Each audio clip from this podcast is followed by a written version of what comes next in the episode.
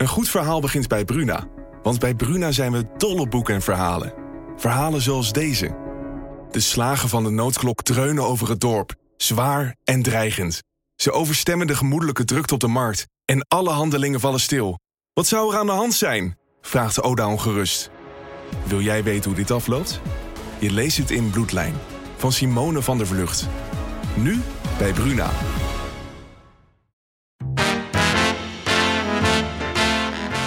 Dit is Strik Privé, de dagelijkse showbiz-update met Evert Zandgoeds en Jordi Versteegde. Met natuurlijk ook op de vrijdag het laatste nieuws in entertainmentland. En Evert, uh, jij hebt... Uh, alweer een week. Ja, alweer, al, voelt het zo, ja, alweer een week. Het is toch leuk, iedere dag weer? Ja, zeker, maar ze vliegen om. Dat is zo. En ja, dat heb je als je het leuk hebt natuurlijk. En ik zeg, ja, het laatste nieuws rolt net bij jou binnen hè, uit Showbizland. Ja, er zou een musical komen, geschreven door de onlangs overleden Henny Vrienden. Een musical over Maup Carranza, de beroemde onroerend goedman in uh, Amsterdam. Die niet voor niks de koning van Amsterdam werd genoemd. Van straatschoffie tot multimiljonair. Hij is in de jaren zeventig ontvoerd geweest. En zijn levensverhaal is, is heel bijzonder. Maar de musical die in september te zien zou zijn in Amsterdam, die gaat voorlopig niet door. Hij is geschreven door Henny Vrienden, de muziek in elk geval. Mm de, de, teksten zijn van uh, Leopold Die we kennen als Evert uit uh, Gooise Vrouwen.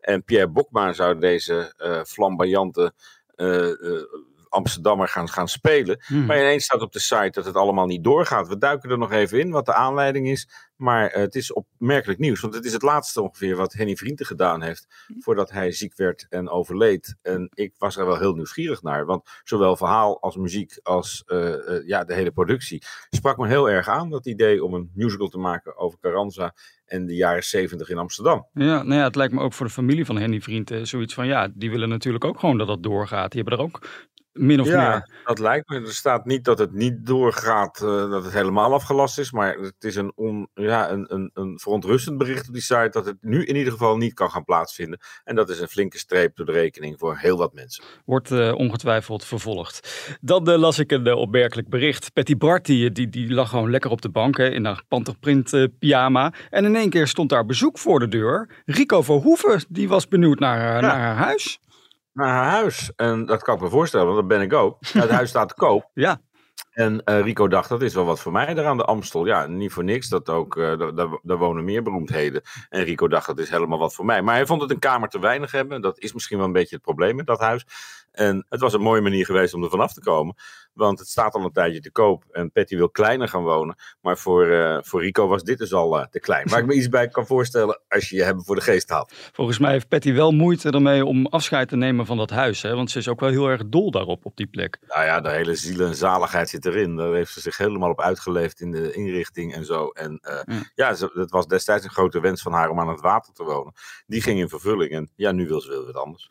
2,2 miljoen moet je ervoor neerleggen. Maar goed, dan heb je wel een prachtig huis daar aan de Amstel.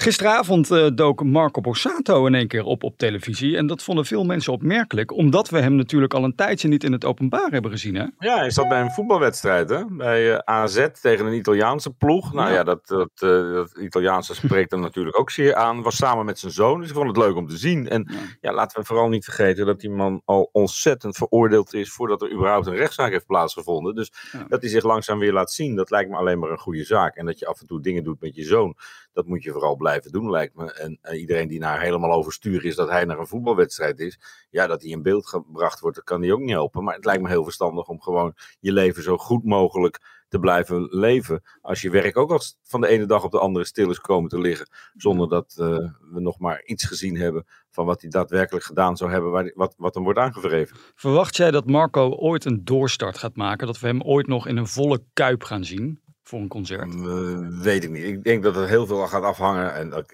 ik denk, dat weet ik wel zeker. Dan gaat het natuurlijk heel veel afhangen van, van het verloop van die rechtszaak. Ja. Als die er komt. En uh, ja, of mensen hem daarna weer in het hart willen sluiten. Of blijven denken waar rook is, is vuur. Dat gevaar is er natuurlijk. Daar zal dat van afhangen. Maar ik zou het hem wel gunnen. Want de manier waarop deze man gestraft is het afgelopen jaar. Dat is eigenlijk ongekend in, in Nederland. Onterecht ook, volgens jou?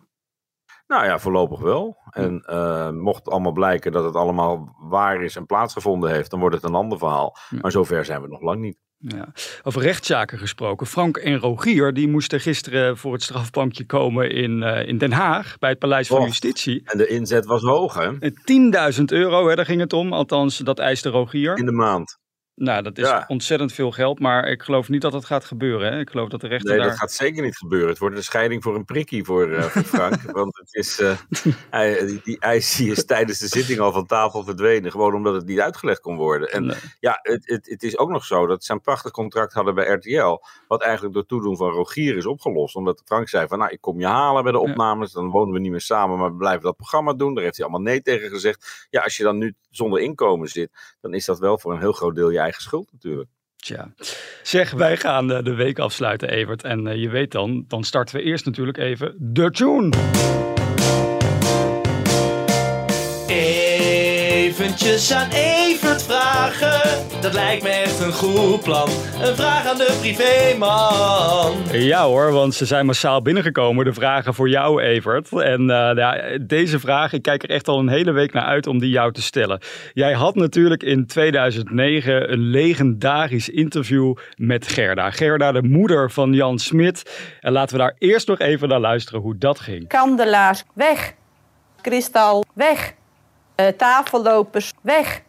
De keukenrol, weg. Complete servies, 24-delig. Alles is weg, de kazenplateaus. En, en dekbedden die Maxima en Willem-Alexander ook hadden. Dus uh, niks, weg, weg, weg. Word jij hier nou nog dagelijks mee geconfronteerd, Evert? Of is dat afgelopen? Ja, het begint wel natuurlijk, maar nu nog eens in de maand of zo. En, ja. en het is 13 jaar geleden, het is ongelooflijk. Maar nog steeds uh, gaat het er regelmatig over, ja. ja het was destijds het tv-moment van het jaar. Ja. En uh, ja, het was een bijzondere ervaring om daar tegenover te zitten, inderdaad. 1,3 miljoen mensen keken daar destijds naar, naar die special van Showdo's. Als je toen Twitter gehad had, dan was het ontploft, denk ik. En was het heel snel nog opgelopen. Want ja. iedereen had het erover, dagenlang. Het is geloof ik drie keer uitgezonden in één week tijd.